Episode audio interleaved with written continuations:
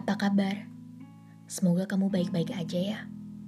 Semoga kamu bahagia selalu. Oh ya, ini adalah kali pertama aku di sini. Hmm, di sini aku ingin bercerita untuk menumpah ruahkan apa yang ada di isi kepalaku.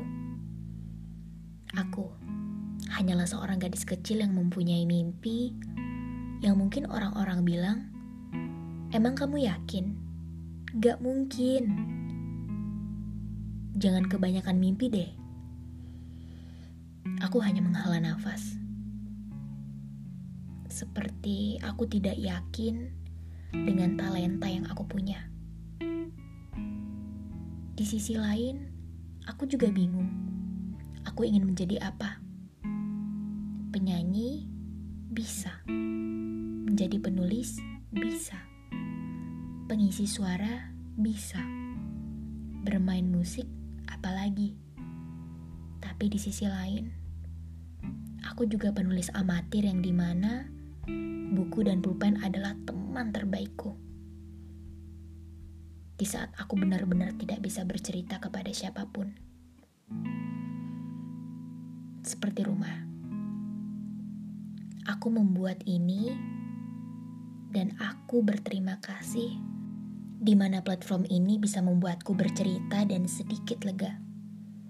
Perihal dulu, dia yang menjadi rumah untuk aku menetap, bahkan singgah. Tapi sayang, dia tak sungguh-sungguh.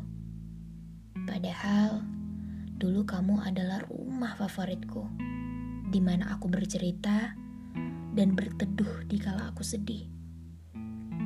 Memang rasanya pelik,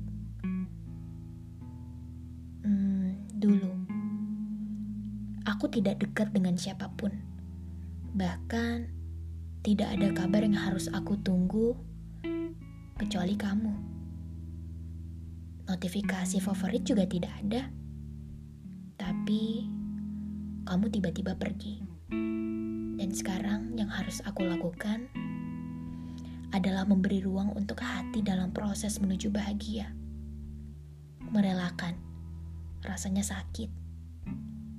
Tapi aku yakin kesepian patut dirayakan juga kan?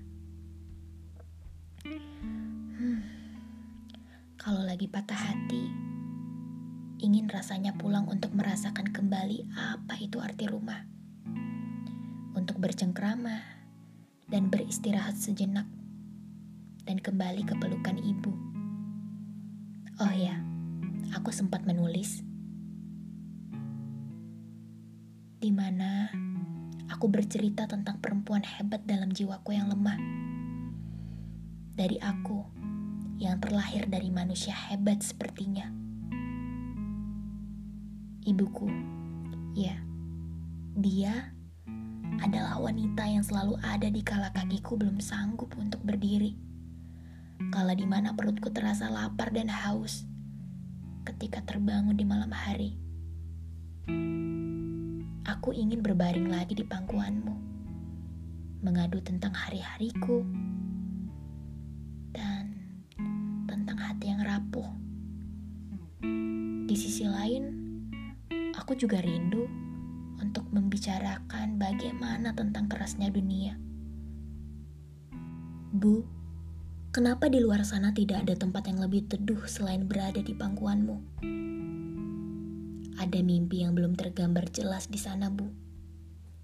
Walaupun mimpi itu masih belum nyata, temenin aku sampai nanti ya, Bu. Hmm, tidak hanya mimpi yang masih belum nyata, tapi masih ada hati yang juga meraba-raba. Oh ya, ibuku pernah bilang sama aku kalau misalnya dia bukan tulang rusukku. Hmm, tapi aku masih mendoakan dia. Namun tidak sedalam dulu dan tidak seintens dulu. Takut Tuhan cemburu karena aku terlalu sering menyebut namanya dia. Aku belajar merelakan.